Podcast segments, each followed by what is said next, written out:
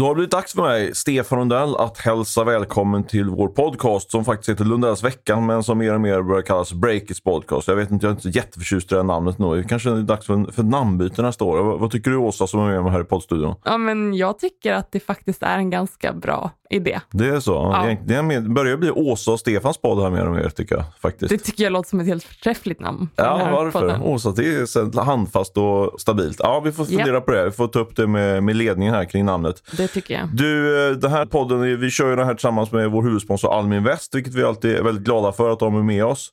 Och den här veckan tänkte vi att vi skulle köra en lite så julspecial som alla andra, känns det som, när jag lyssnar på alla poddar. Alla ska ha en julspecial, men vi gör det också. Hur känns det? Jag tycker att det här blir superbra. Ja, och julspecial i bemärkelsen att vi eh, faktiskt tänkte oss att vi, vi har ju som vanligt har vi ju veckans möte, men sen har vi tänkt att vi slår ihop våra snackisar och köp och sälj till eh, lite spådomar för 2022. Och sen tänker jag att vi sätter lite köp och sälj på våra egna spådomar. Hur, hur låter det upplägget? Nej, men jättekul. Ja, Kul att sia lite i spåkulan inför vad som komma skall för techåret. Ja, precis. Jag brukar säga att min, min spåkula brukar alltid vara grumlig, men vi får se om den är lite mer klar den här gången. Vi får hoppas det. Ja. Du, veckans möte. Ska du eller jag börja? Du börjar, Stefan. Härligt. Veckans möte för mig är faktiskt eh, kan man säga ett event mera. Eh, Jag var ute på, jag tog min, min gamla bil ut till eh, Vällingby, Folkets hus här i fredags kväll. Och då var det final där i, det var lite så halvdeppigt att åka ut på fredag kväll, lämna familjen och sådär. Men jag fick väldigt mycket energi för jag kom nämligen till, till finalen ut något som heter Förorten. Eh, Okej, vad är det för någonting? Ja, eh, det är en relevant fråga. Det är faktiskt ett event som växer mer och mer. Det är ju vår partner Deka Abukar och eh, Adnan Yusuf som kör, de kör sitt eh, entreprenörsnätverk Bling Startup. Tillsammans med oss kör vi Shift. Men de har också en annan stor, eh, stort eh, engagemang i något som heter Förorten. Det är ju en liten lek då med ord, alltså Förorten. Eh, Snyggt. för, för förorten och så vidare. Ja, ser väldigt bra ut i text faktiskt när man ser det.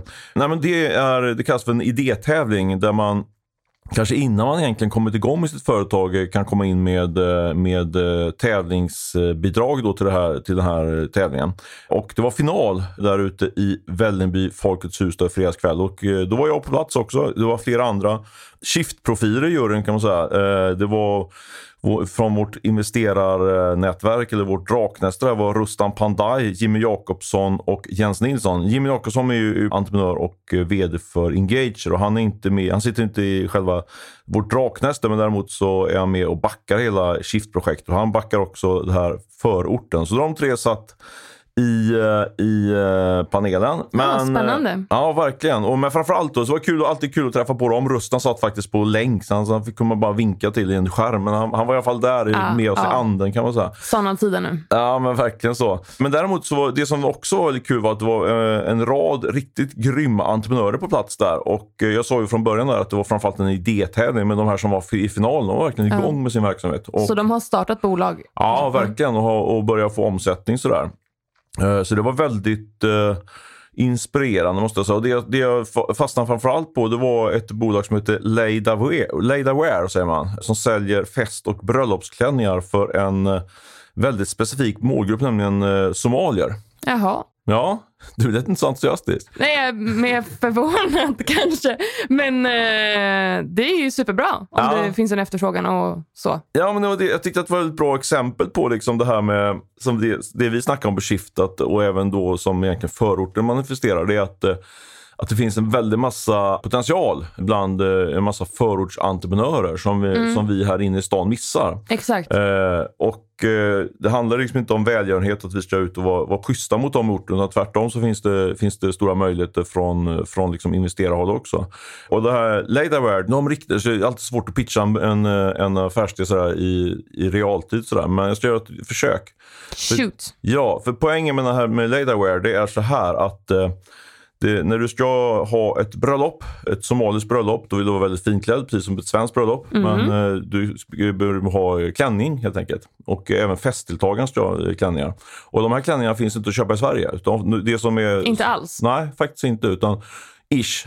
Typ sådär, ungefär är det så. För de, alla, alla jag pratat med på plats och även det de beskrev då när de beskrev caset då, det var att de åker antingen till London eller till Dubai eller någon, annan, till, eller någon annanstans i, i arabvärlden och Aha, köper de här klänningarna. Så det är en ganska stor eh, operation då. För att sen åka tillbaka till Sverige. Ja, men exakt. Eh, men Ja, det, det är en lång shoppingtur det. Ja, verkligen. Och det som Ladywear gör då, det är helt, helt enkelt en e-handel då med, eh, med den här typen av fest och bröllopsklänningar. Så det tycker jag är liksom ett exempel på att det är en marknad som jag inte hade någon aning om fanns. Eh. Mm. och de löser verkligen ett stort problem kostnadsmässigt. Och eh, potentialen är väldigt stor. För det är inte bara somaliska kvinnor som gifter och, och män som gifter sig utan det finns ju en massa olika befolkningsgrupper i Sverige som har det här behovet, som, har, som inte har den eh, möjligheten att köpa sin, liksom sina kulturella kläder. Eller vad ska kalla det. Eh, Så de, deras tanke med, med Ladywear då, jag pratade med en, med en av kvin- kvinnorna bakom det här projektet som heter Laymoon Farah. Hoppas jag uttalar det namnet rätt. Hon sa ju att det här var ju bara början. Man, liksom, man går in i den, här, i den här nischen och man hade redan omsättning på nästan en miljon tror jag. Eh, Så det var verkligen igång då. Och sen tänkte man måste få in lite kapital och sen kunna vidga det här till olika nya målgrupper.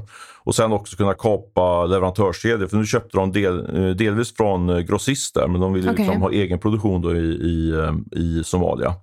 Så det där var ett exempel på en absolut investeringsbart bolag liksom som, som man hittar i i det här initiativet som heter Förorten. Så jag tyckte att det var väldigt uppmuntrande helt enkelt att vara där ute. Och, eh, Jag känns, förstår det. känns som en trigger inför Shift som vi drar igång i början, i slutet av januari. Ja, det är snart. Ja, faktiskt. Så tiden går, tiden går. Du, eh, vad har du för möte då?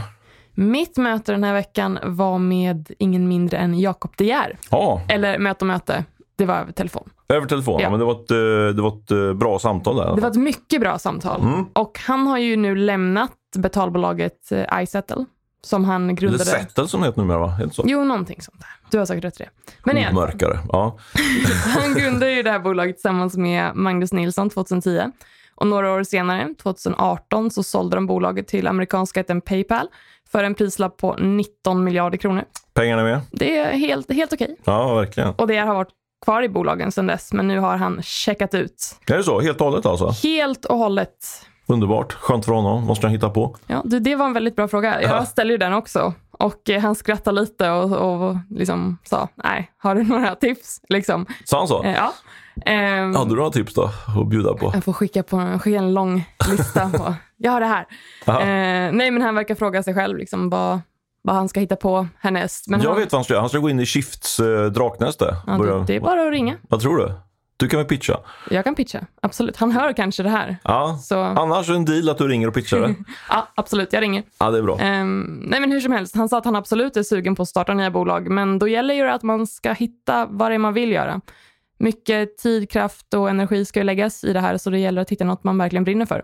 Och det är ju lättare sagt än gjort. Ja, det kanske det är. Säkert man har så mycket pengar på kontot som man har, man har kanske inte samma, samma driv eller samma, man har ingen piska riktigt att gå upp på morgonen. Ja, jag vet inte, han verkar ha något form av driv ändå om man tittar på bolaget han har byggt. Han är ångestdriven kanske. Jag vill se. Är du ångestdriven, Stefan? Nej, det tar ganska mycket. Okej. Eh, vi kan prata mer om det. Där. Ja. Ja. Ehm, men vi snackade också lite om hur eh, techåret ska bli under 2022. Och det ska vi snacka mer om snart. Och någonting som, eh, som han påpekade var i alla fall att han tror att vi har passerat någon form av gräns inom tech, där tech kommer påverka i stort sett alla typer av branscher. Just det, intressant. Ja, det håller jag med om. Det går in överallt helt enkelt, det är det jag menade. Ja, precis. Det är liksom att höra om ett techbolag eller att, alltså det är ju verkligen inte nyheter längre. Nej, nej. Och det är ju bra. Ja, verkligen. Bra för oss som har som affärsidé och bevaka allting som händer i tech och, och startup-branschen. Så nu blir det snart att vi bevaka allt i hela, hela näringslivet, vilket är väl nice, eller? Det blir nice. Ja. Mer att göra. Men fick du, fick du energi att prata med en sån superentreprenör som Jakob De Geer, eller var det, hur kändes det? Nej men det fick jag verkligen. Jag var helt glad efteråt faktiskt. Jag var ganska trött igår men jag fick en riktig rush efter det samtalet. Underbart. Och det, ja, men det är supernice.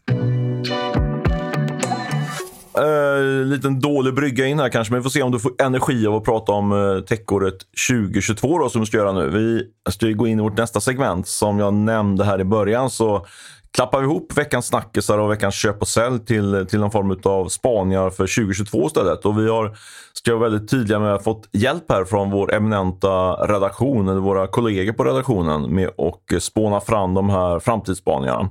Det är högt och lågt. Eh, mest, eh, det är inte så mycket lågt där faktiskt om ska det. Vi, vi, ganska, vi ligger på en ganska seriös nivå här ändå på, i våra spaningar. Ja men absolut. Jag tänkte så här, upplägg så här, att jag drar en spaning, du drar en spaning, men innan mm. du får dra din spaning så får du säga om det är köp eller sälj på min spaning och säga, säga om du, du, tror på den helt enkelt. Låter det som bra upplägg? Vi kör, det här låter superbra. Ja, jag börjar med en, en spaning som jag har snott av Martin Hävner, vår eh, börs och eh, makroreporter kan man säga i det här fallet, för det är en mm. makrospaning. Och eh, Martin, han säger så här, det är mycket snack om inflation. Mm. Den har ju börjat ta fart rejält i USA och börjar även puttra på här lite grann i Sverige och Europa. Martin hävdar att inflationen är här för att stanna. Han tror också att det kommer att öka en del under nästa år. Eh, det leder till att eh, börsen blir lite surare, eh, inte lika hett att vara på börsen och det om man ska koppla in det till, till vår sfär då, så kommer den här vågen av techbolag till börsen att ebba ut. Istället så tror Martin att det här kommer trigga fram då en rad utköp från börsen. Plus då en del kanske industriella sammangående mellan, mellan olika spelare. Eh, vad säger du? Köp eller sälj på den här eh, spaningen? Jag säger köp. All, säger köp. Eller i alla fall mer köp än sälj. Mer köp än sälj, ja. okej. Okay. Jag litar på Martin.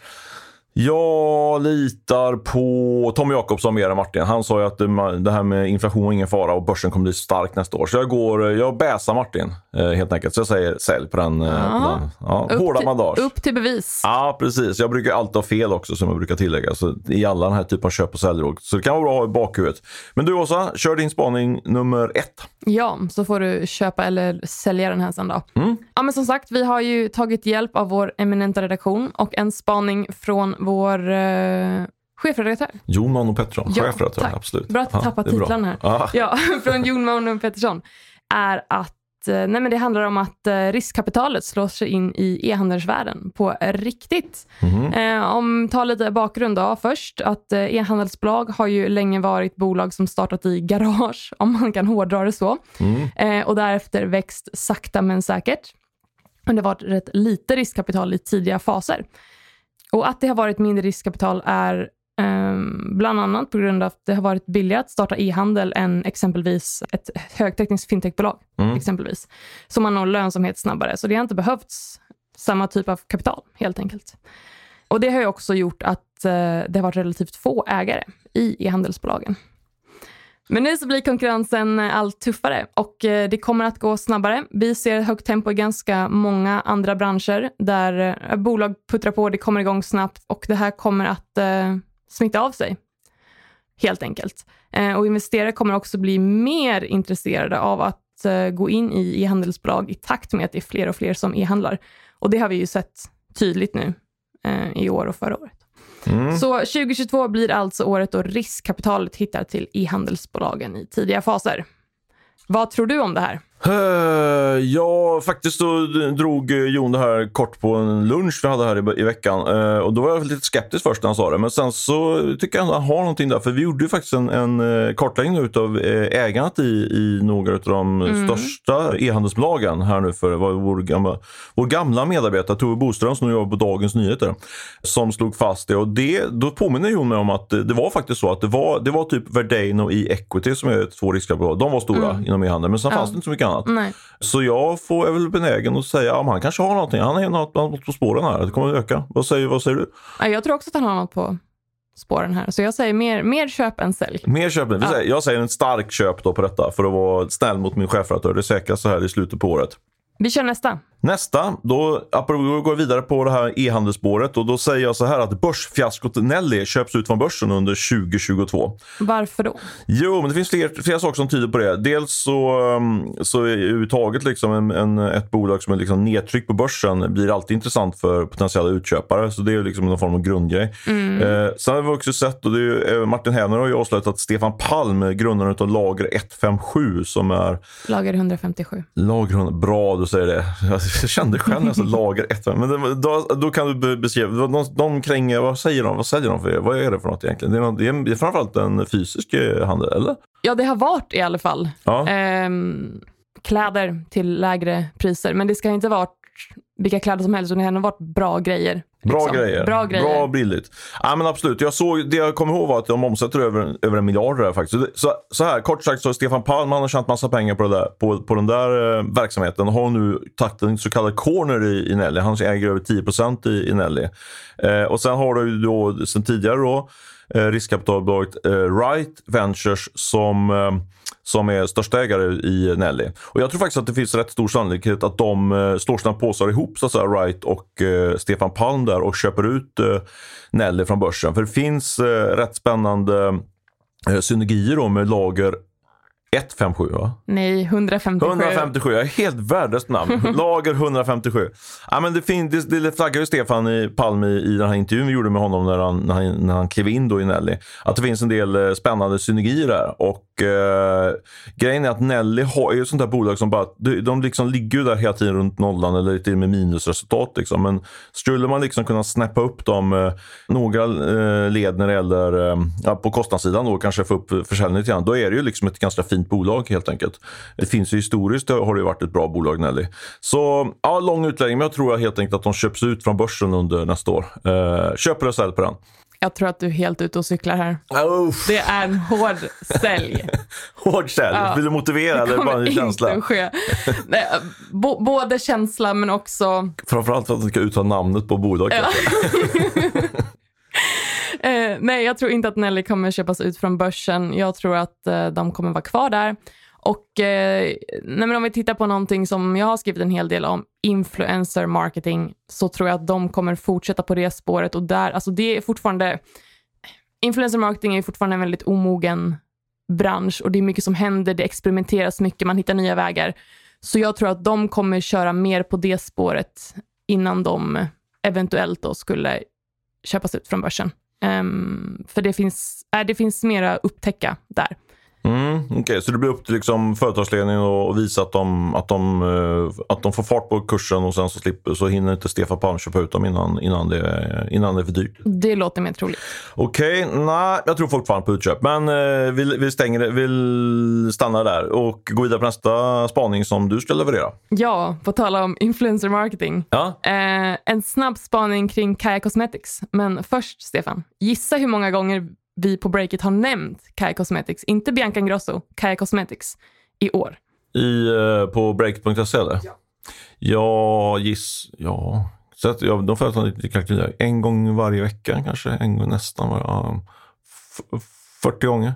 Alltså det är en väldigt bra gissning, 39 gånger. Ja, det var bra. Ja, men har, du. Ja. har du tjuvkikat i mina Nej, anteckningar? det har jag faktiskt Nej. inte. Medvetet så tittar jag bort faktiskt när du sa det. Jag har ingen aning. Ja, men det, nej, det var faktiskt riktigt min egen Ja, gissning. men Ja. mycket stark gissning. Ehm, så 39 gånger har vi i alla fall nämnt Är det för mycket? Cosmetics. Är det, är, det, eller är det för lite? Alltså det är ju, slår man ut det på helåret så är det ju 3,25 gånger i månaden.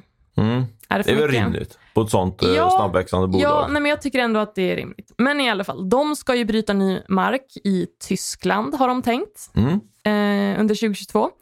Och då är frågan, hur kommer det gå egentligen? För Bianca Ingrosso marknadsför ju det här bolaget väldigt mycket i Sverige. Och det har ju vi slagit fast många gånger att det är verkligen en av deras framgångsfaktorer. Men i Tyskland så är hon inte en lika starkt lysande stjärna.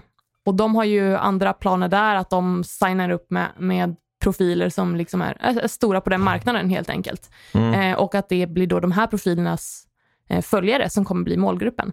Så det här, det här är verkligen spännande att se. Det här känns verkligen som ett experiment och det här kan gå åt vilket håll som helst. Det kan säkert flyga. Mm. Influencer marketing har ju visat sig vara ganska effektivt, trots allt. Men ja, vi får se. Så vad är spaningen? Det är att Ja, det är bra att komma till det. Eh, jo, eh, eh, spaningen är kort och gott att, eh, nej det är mer en fråga. Hur kommer det gå för K Cosmetics i Tyskland? Och eh, jag säger, eh, det kommer inte gå så jättebra. Bra, jag tänkte, hade för du hade aldrig fått gå ut här utan att komma med något hårt eh, uttalande. Så ja, men det är bra. Du tror, på, du tror helt enkelt att eh, det kommer gå, det blir inte fiasko, men det kommer inte gå bra i Tyskland kan vi säga, för Kaja. De kommer inte, det kommer inte lyfta för Kaja i Tyskland. Det är din spaning. Det kommer inte lyfta så högt i alla fall. Okej. Vad tror du om det? Eh, Jag säger... Nej, jag säger sälj på din spaning. Jag tror på, jag tror på Bianca och Kaja. Men det är bara en magkänsla. Eh, och det kan också bero på för att jag fortfarande när en dröm om att eh, Bianca Ingrosso ska sitta i Shifts eh, investerarpanel. Fick ett ganska dåligt svar här från Mikael Snabb här i, i, veckan. Men jag hoppas fortfarande, jag vet att Mikael lyssnar på podden, jag hoppas fortfarande att de ska känna att de får lite tid över och gå in i investerarpanelen i Shift. Och därför säger jag Sälj på detta. Det kommer gå jättebra för er i Tyskland. Alltså, jag, jag, säger sälj på ditt säljargument det är bra, det är bra. Det är dags för mig att spana ja. vidare. Och jag tänkte lyfta Voi, eh, elskoterbolaget eh, som tog in en dryg miljard, eller vad säga, tio, hur var det nu? En miljard de tog in i nytt kapital här i veckan. Mm, och min spaning är att eh, så här, den är dubbel kan man säga. Voi kommer gå till börsen under 2022.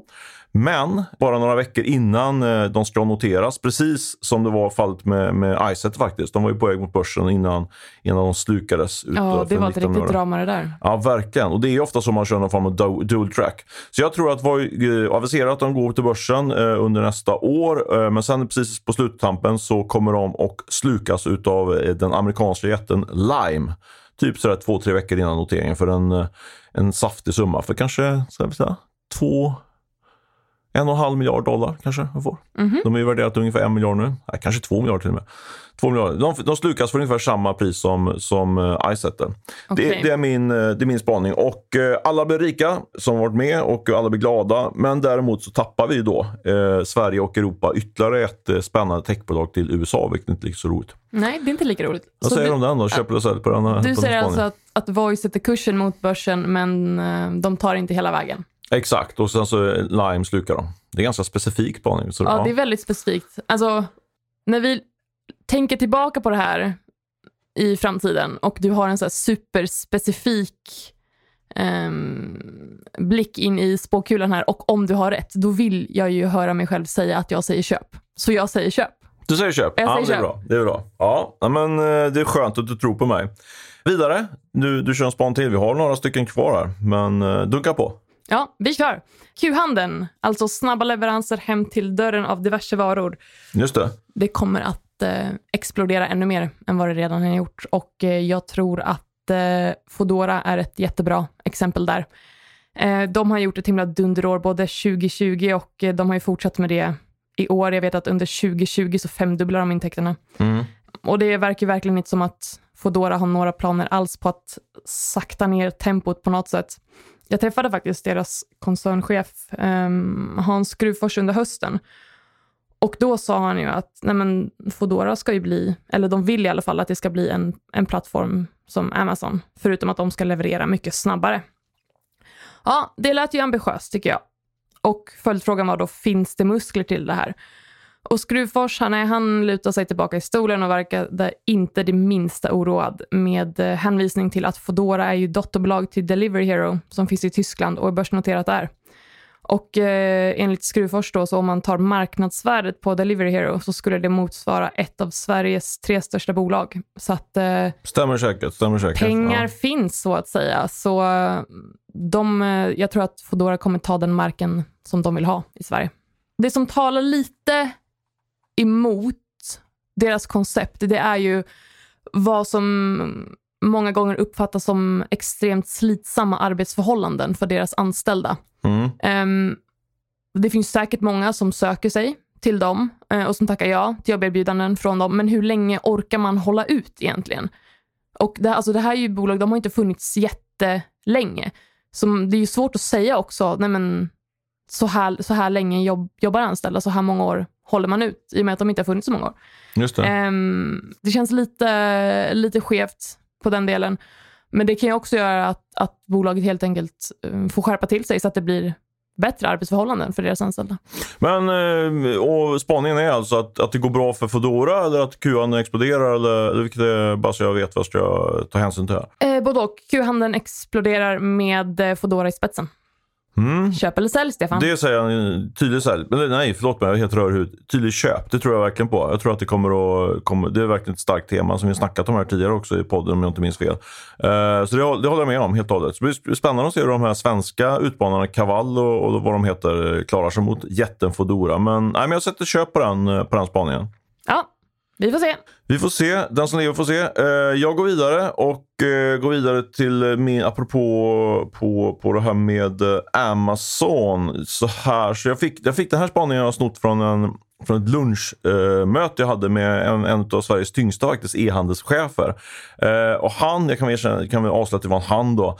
Eh, han spådde att det skulle komma ish en svensk utmanare till Amazon. Inte riktigt så, men eh, låt mig utveckla det här lite grann. Gör det. Eh, och nu snor jag hela resonemanget då från, från den här tunga e-handelschefen som jag inte vågar nämna vid namn för jag kollar inte. Han inte kollar riktigt. Det är inte jättekontroversiellt. Alltså jag vill ju typ gissa, men jag ska inte göra det. Nej, men gör inte det. Det blir bara jobbigt för mig.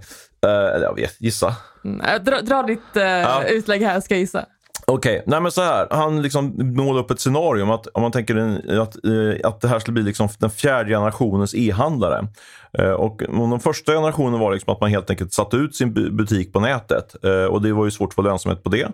Nästa generation var att man liksom började addera till eh, egna varumärken. Man, man sålde, sålde en rad olika varumärken så la man till sina egna varumärken som de bättre marginaler på. Det var fas nummer två. Och fas nummer tre, det är det som man har snackat jättemycket nu. Det är den här direct to consumer-trenden. Alltså att man då precis som Bianca då, eh, och Ingrosso och Kaja, eh, man startar ett eget varumärke och så säljer man så rundar man liksom alla återförsäljare och säljer ja. direkt till konsument. Det har ju varit superlönsamt och bra på alla sätt och vis. Ja men verkligen.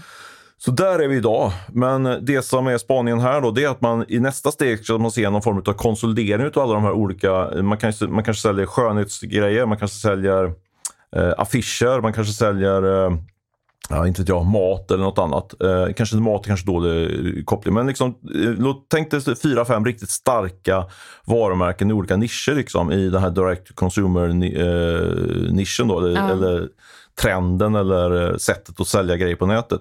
Så köper man upp de här olika spelarna och slår ihop dem till ett jättebolag, till ett jätte-Amazon. Amazon leder tanken lite fel, men poängen är liksom att man slår ihop ett antal riktigt framgångsrika e-handlare.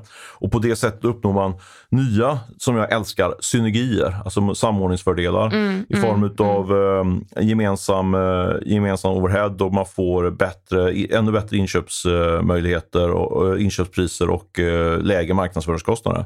Det där trodde trodde min min e-handelskälla var nästa liksom steg. Och det, så då snor jag den helt enkelt och säger att det där kommer vi få se i under, under nästa år. Att det blir en ny jättestor spelare där man, som kanske uppbackar av riskkapital då, som, eh, som köper ihop en sån här eh, konglomerat kan man säga utav e-handlare. Uh -huh. uh, vad tror du om det? Nej, jag sätter sälj. Jag, nej. Alltså det, det här, jag tror att det här är mer en önskedröm än en blick i spåkulan. Nu ska jag inte bäsa mig själv, men jag tror det precis du, du sätter fingret på någonting som är, det är jättesvårt det här med att få fram ja, synergier liksom, och få fart på det. Liksom, så här. Samtidigt som en del lyckas och då, ja, det finns ändå, och finns mycket pengar där ute så ja, kanske vi får se. V vem tror du är källan till den här då? Okej, nu, nu gissar jag. Ja, gissa på. Kan det vara Fredrik Palm? Ingen kommentar. Kan vara sig bekräfta eller dementera. Vi får se. Ja, kan vara något på spåret. Ja, man vet aldrig. Det är min magkänsla. Ja, jag tänkte du skulle säga Per Svärdson, för jag brukar alltid hänvisa till honom. Men det, men det kan vara Per Svärdson också. Vi får se. Eh, jag säger ingenting. Men eh, bra att du bäsar min, min spaning där. Vi får se vad, vad det hamnar eh, i under nästa år här. Kör du, nästa spaning. Eller profetia. Ja. Min nästa spaning är att Eh, det kommer bli ännu mera fokus på impactbolag eller bolag som eh, jobbar för att bidra till den gröna omställningen. Bra, hoppas vi på. Ja, och det här är eh, faktiskt någonting som jag börjar fundera på efter mitt samtal med DR häromdagen. Ständigt denna, denna DR. Ja, det är bra. Ja, men ja, jag tycker ändå, alltså säker källa i alla fall i de här eh, frågorna. Tycker absolut, jag. nej jag bäsar inte, jag bara eh, skojar. Eller? Ja, det håller jag med, absolut. Men i alla fall, tech kommer ha ett fortsatt starkt år, trodde han. Tror jag också. Eh, och någonting som han påpekar är att, att det som sticker ut mest just nu är att det går in otroligt mycket pengar i bolag som verkligen kan ha ändå impact på klimatet. Mm. Och det kan handla om liksom batteribolag, elektrifiering av fordon, alla typer av fordon. Kort och gott. Eh, och där så det finns ju mängder av spännande bolag här. Om vi tar om Northvolt exempelvis, se vad som händer där. Nu får vi väl se om de eh, kommer igång med sin eh, produktion här i sin fabrik innan årsskiftet. Det var ju det som var Eh, eller det Just som är utsagt. Några dagar på sig. Ja, de har några år på sig. Ja, de har väl tagit in typ 50-60 miljarder, så där har det gått in en del pengar. Ja, exakt. Eh, och det är en mängd svenska näringslivs och techprofiler som har investerat där. Daniel Ek en, Kristina Stenbeck en annan.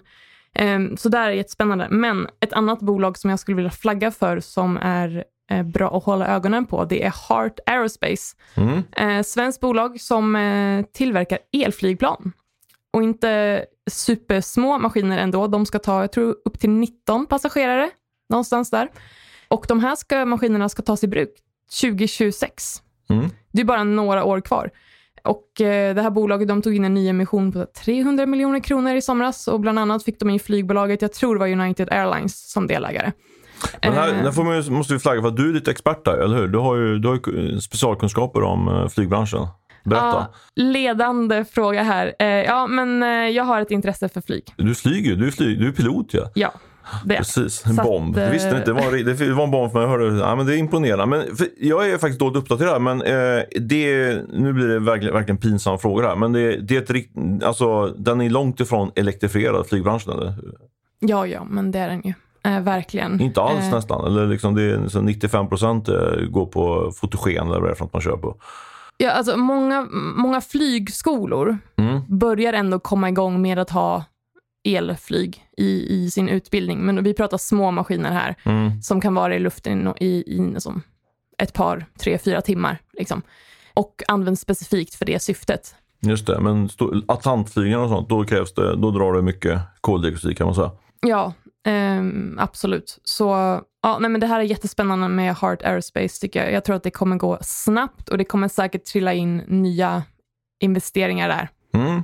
Intressant. Så man kan säga att eh, din spaning är lite baserad på Jakob De Geers då spaning. Det är att eh, Impact blir hetare än någonsin kan man säga och det kommer pumpas in massa riskkapital i, i segmentet. Absolut. Inte det, minst i flygsegmentet då. absolut. Så det här är ju redan superhett, men det kommer bli ännu hetare. Ja.